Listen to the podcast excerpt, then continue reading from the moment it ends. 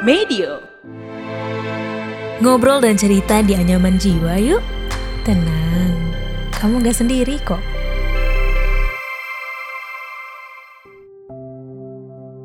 You hurt someone because you are hurt. Lo tahu kalimat itu nggak?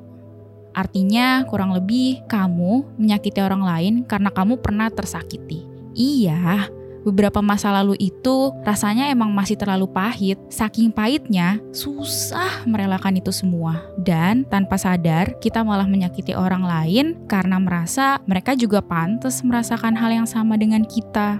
Setiap orang ada yang punya kehidupan yang lebih baik punya karir yang bagus, teman-teman yang suportif, pasangan yang sayang sama dia, dan keluarga yang selalu ada buat dia. Tapi lo malah ngerasa iri, gak adil, dan mau ngerusak kebahagiaan dia. Atau ketika orang di sekitar kita mutusin buat jalan ke depan untuk kehidupan dia yang lebih baik, lo malah merasa dihianati dan ditinggalkan. Alhasil, lo berusaha sekuat tenaga untuk buat mereka tetap stay dengan cara yang harming banget menyakiti dan membuat orang lain menderita seakan-akan jadi coping mechanism yang paling ampuh. Padahal secara nggak sadar lo merusak diri lo perlahan-lahan dan artinya lo itu punya mentalitas kepiting. Hidup lo itu diibaratin kayak kepiting yang punya capi tajam dan jalannya selalu menyamping, nggak ke depan. Dan kepiting yang bercapi tajam itu selalu mencapit hal-hal di sekitarnya.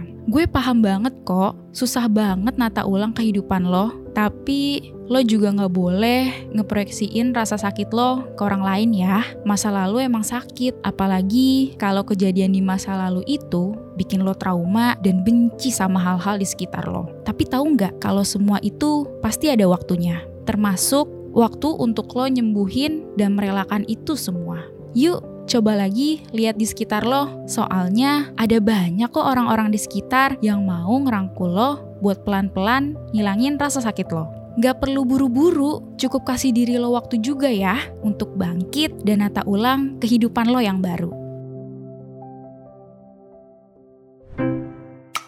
Yah, udah selesai episode kali ini. Tungguin episode Anyaman Jiwa selanjutnya ya.